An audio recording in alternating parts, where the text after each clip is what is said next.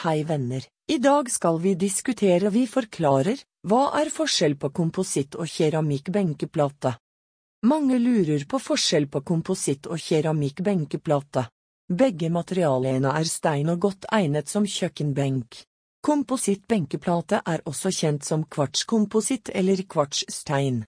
Det er ulike navn, men betyr det samme. Likheter, begge materialer er laget på fabrikk av steinpulver. Overflaten på keramikkbenkeplate og komposittbenkeplate er poretett slik at man ikke får flekker og overflaten tåler fukt og søl.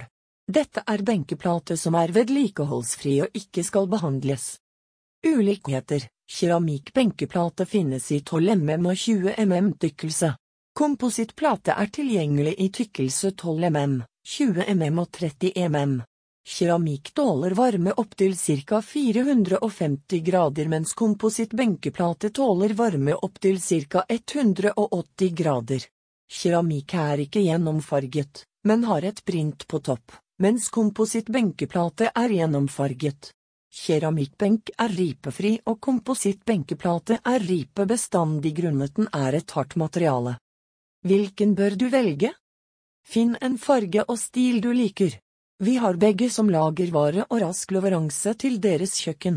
Dersom du ikke skal flambere direkte på benkeplaten, er begge steinmateriale en like gode valg.